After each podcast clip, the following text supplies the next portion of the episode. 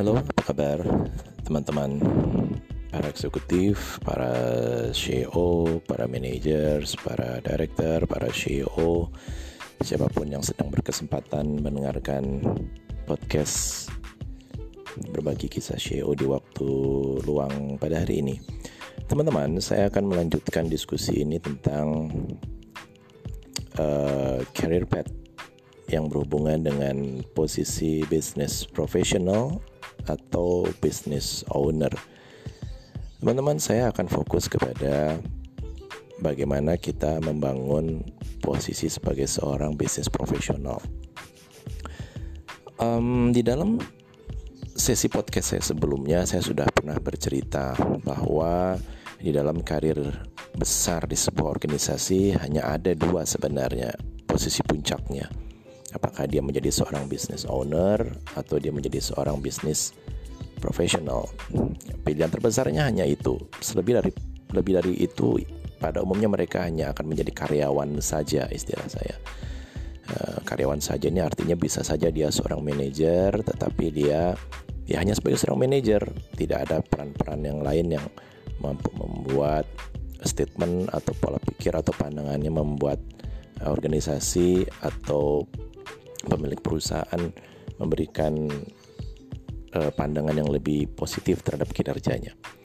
Uh, tapi seorang bisnis profesional karena dia memiliki posisi yang cukup strategis di organisasi, maka secara umum kata-kata, pandangan, pola pikir, ide, gagasan itu menjadi sebuah catatan yang sangat dipertimbangkan oleh para business owner.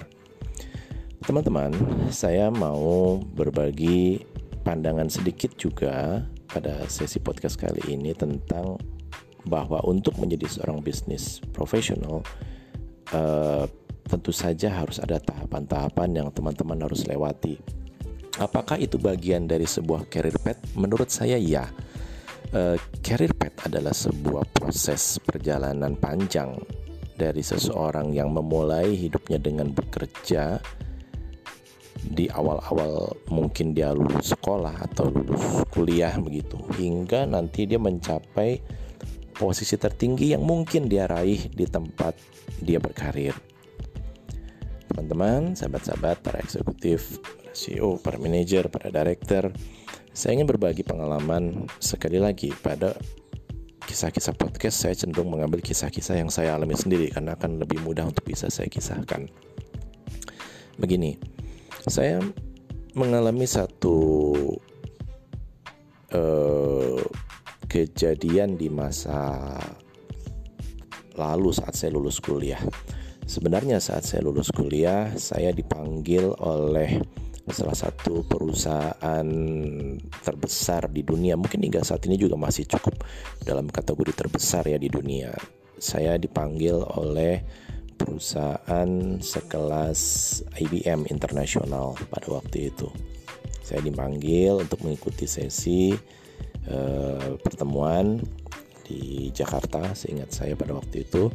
Namun karena satu dan lain hal, saya tidak bisa uh, hadir ke pertemuan undangan di Jakarta karena pada saat itu saya sudah bekerja di sebuah kantor di sebuah kota di Indonesia Kantornya kecil teman-teman.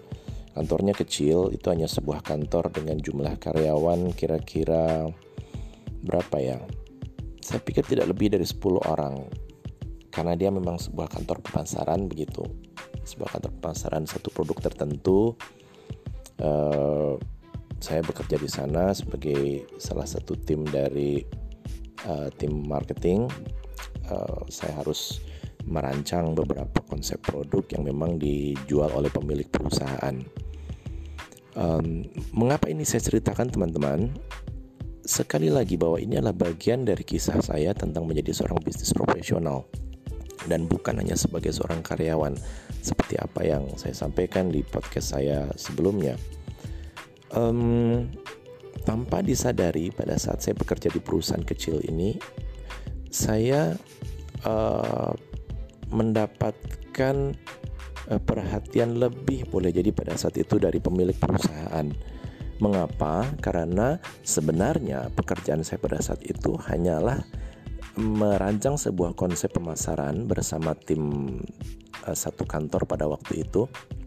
Namun karena kebetulan saya memiliki kemampuan mengolah database, uh, ya apa ya istilah saya memang senang belajar otodidak pada saat itu. Sejak saya lulus kuliah saya senang sekali belajar otodidak tentang uh, komputer pada saat itu. Dan pada saat itu saya sangat sangat tertarik dengan hmm, bagaimana sebuah proses database itu dibangun uh, bagi pengelolaan sebuah usaha atau bisnis begitu. Sehingga ada satu aplikasi database pada saat itu yang saya pelajari kemudian itu saya kembangkan sendiri saya buat aplikasi database sendiri saya data-data yang dikembangkan oleh kantor saya masukkan dalam pola database saya yang saya kerjakan sendiri. Uh, actually sebenarnya itu bukan sesuatu yang harus saya kerjakan sebenarnya. Tetapi entah bagaimana pada saat itu pemilik perusahaan melihat apa yang saya kerjakan.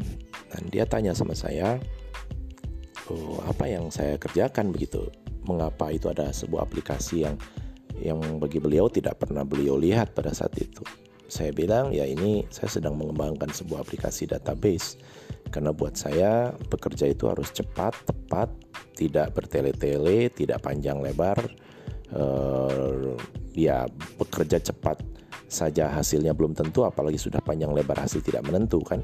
Jadi saya pikir ya akan mempercepat proses kerja saya bersama tim teman-teman satu posisi pada saat itu ya saya bangun sebuah sistem database yang saya kembangkan sendiri. Um, Oke, okay, maka saya bangun sistem ini dan dia uh, eh, apa ya istilahnya uh, terheran-heran juga gitu. Oh, bisa ya dibuat seperti itu. Saya bilang bisa. Ya memang pada dasarnya kalau kita punya pekerjaan dalam bentuk apa pun ya sebaiknya semua kita kelola berbasis data. Saya bilang begitu. Ya, akhirnya Eh, gara-gara kejadian itu saya sering sekali dipanggil oleh pemilik perusahaan ini. Uh, di pemilik diajak bicara diajak ngobrol tentang apa yang saya kerjakan begitu kan. Ya walhasil saya punya komunikasi yang sedikit berbeda dengan teman-teman yang lain. Uh, ada teman yang satu tim dengan saya ya dia bekerja dan sering bertemu dengan pemilik juga tetapi untuk jenis bidang pekerjaan yang lain karena dia punya keahlian yang lain Nah, sementara saya lebih fokus pada keahlian saya di, di dalam pengelolaan data-data pemasaran. Nah, sehingga saya sering dipanggil, sering ngobrol, sering diskusi dengan beliau, dan itu membuat awal-awal karir saya lulus kuliah menjadi sebuah hal yang berbeda begitu saya rasakan sejak awal.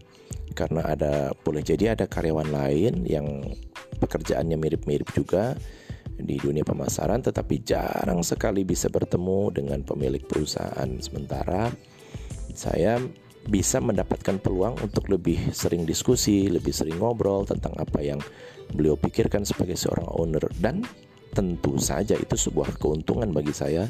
Mengapa? Karena dengan memahami apa yang dipikirkan oleh seorang owner itu menjadi sebuah poin lebih bagi saya untuk mampu menganalisis oh sebenarnya yang dipikirkan oleh seorang owner itu seperti ini ya begitu ya Oh itu yang mereka pikirkan. Nah tentu saja itu tidak akan menjadi pola pikir saya karena bagaimanapun juga saya bukan seorang owner, tetapi eh, dengan saya sering diajak berbicara, diajak ngobrol oleh mereka, itu menjadi sebuah keuntungan tersendiri bagi saya.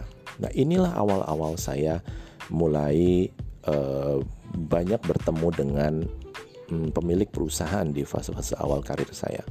Ya, saya mulai membantu beliau di bidangnya ya sekian banyak yang bisa yang bisa saya bantu ya saya bantu meskipun bukan bidang pekerjaan yang berhubungan langsung dengan bidang pemasaran yang saya kerjakan.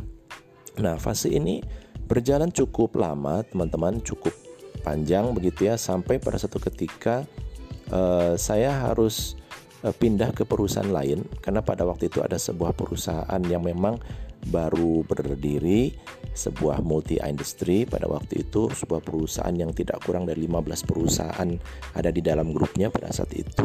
Dan pada saat itu uh, grup yang saya masuki adalah grup yang paling baru yang paling muda. Sehingga tentu saja uh, banyak hal-hal baru yang bisa dikerjakan bisa dilakukan di perusahaan tersebut. Nah perjalanan singkat saya di perusahaan sebelumnya membangun sistem database untuk pemasaran, ternyata itu menjadi sebuah modal awal bagi saya untuk bekerja di perusahaan ini. Ini keluar biasaan takdir begitu. Jadi kalaulah kita berpikir bahwa untuk apa ya kita mengerjakan sesuatu di perusahaan sebelumnya, ternyata itu bagian dari perjalanan karir kita sebenarnya, karir path kita begitu. Jadi jangan kita pernah me menyangsikan uh, takdir hidup kita walaupun cuma sesaat, walaupun cuma sebentar, walaupun seolah-olah tidak berarti, padahal itu sebenarnya adalah sesuatu yang boleh jadi sangat berarti bagi hidup kita. Nah, di kantor yang baru ini yang lucunya adalah saat saya melamar Sebenarnya karena saya di kantor sebelumnya adalah posisinya hanya sebagai seorang marketing, tentu saja saat saya pindah kantor tidak mungkin saya melamar tinggi-tinggi. Ya, jadi kalau saya melamar di kantor yang baru ya tentunya kalau tidak sebagai marketing staff juga atau ya paling tidak lebih tinggi sedikit lah dibandingkan pada saat itu. Uh, pada saat itu yang ditawarkan di kantor yang baru adalah posisi sebagai seorang uh, marketing coordinator. Marketing coordinator bagi saya masih dekatlah dengan pola-pola yang saya lakukan di perusahaan sebelumnya begitu. Lalu saya masuk, saya mengikuti uh, pelatihan di organisasi yang baru ini uh, tanpa dinyana dari diskusi-diskusi saya dengan uh, pimpinan di perusahaan yang baru ini sejak masa pelatihan ternyata membuat dia berpikir bahwa saya memiliki kemampuan lebih dari pola-pola yang pernah saya kerjakan di kantor saya sebelumnya ini menjadi sebuah hal yang menarik bagi dia begitu bahwa ternyata e, sebagai seorang marketing saya punya keahlian lain yang bisa saya kerjakan untuk mendukung pekerjaan saya pada saat itu.